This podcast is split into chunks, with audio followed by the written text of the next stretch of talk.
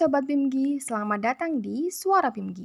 Kali ini kita hadir bersuara di Spotify setiap akhir bulan.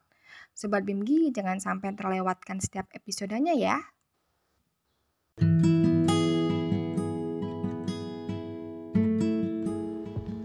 Halo Sobat Bimgi, di episode Suara Bimgi kali ini kita mau berbicara tentang berat badan nih.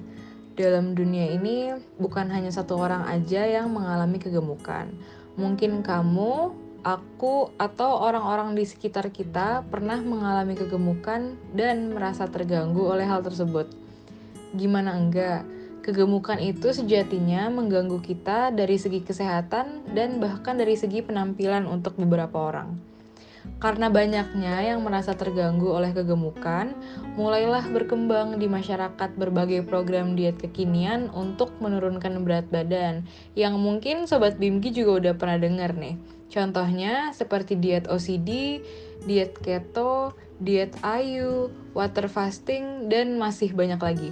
Bahkan gak sedikit nih diet yang masih menjadi kontroversi di masyarakat Nah, selain program diet, ada juga cara-cara lain yang ramai di masyarakat untuk menurunkan berat badan. Entah itu dengan pil herbal, detox tea, atau berbagai macam minuman dan suplemen lainnya yang masih dipertanyakan izin edarnya. Hasil yang instan itu emang idaman, tapi penurunan berat badan yang kilat itu juga banyak efek sampingnya. Bisa aja terjadi sembelit, mudah sakit, siklus haid terganggu, dan bahkan sampai gangguan psikologis loh. Nah, terus gimana nih cara menurunkan berat badan secara alami dan aman? Yuk kita balik lagi ke pedoman gizi. Jadi, Sobat Bimgi, kunci untuk menurun, uh, menurunkan berat badan adalah dengan keseimbangan energi negatif. Nah, jangan bingung dulu, aku akan jelasin satu persatu. Pertama, keseimbangan energi itu adalah istilah dalam gizi di mana energi yang masuk ke dalam tubuh dari makanan itu jumlahnya sama besar dengan energi yang dikeluarkan oleh tubuh untuk beraktivitas sehari-hari. Dengan keseimbangan energi, seseorang itu nggak akan bertambah gemuk atau kurus.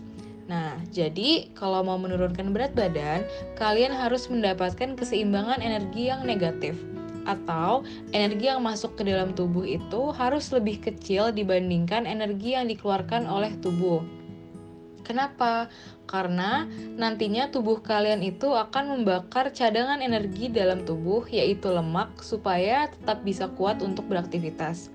Nah, gimana sih cara untuk mencapai keseimbangan energi negatif? Nah, caranya tuh ada dua. Pertama, defisit kalori, dan kedua itu beraktivitas fisik. Pertama, untuk defisit kalori ini bisa dilakukan tanpa mengikuti diet apa pun. Jadi Sobat Bimgi itu nggak harus bingung mau ikutin diet yang mana.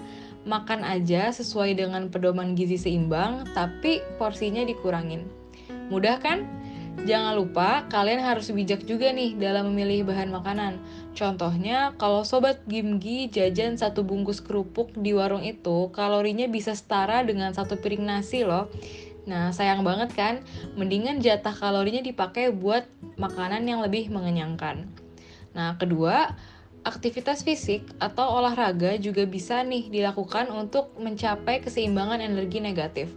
Kalau anjuran dari Kementerian Kesehatan Republik Indonesia untuk olahraga adalah setidaknya dilakukan 150 menit per minggu atau dapat dibagi sebanyak 3-5 kali per minggu sesuai dengan pengaturan waktu masing-masing. Nah, gimana nih kalau males olahraga? Nah, tenang aja, bersih-bersih rumah, jalan ke pasar, itu juga sifatnya mirip-mirip dengan olahraga. Asal kalian jangan males aja nih bergerak. Sudah deh, Sobat Bimgi, segitu aja yang bisa aku sampaikan kali ini. Semoga bermanfaat ya. Sehat selalu dan sampai jumpa di episode Suara Bimgi berikutnya. Thank you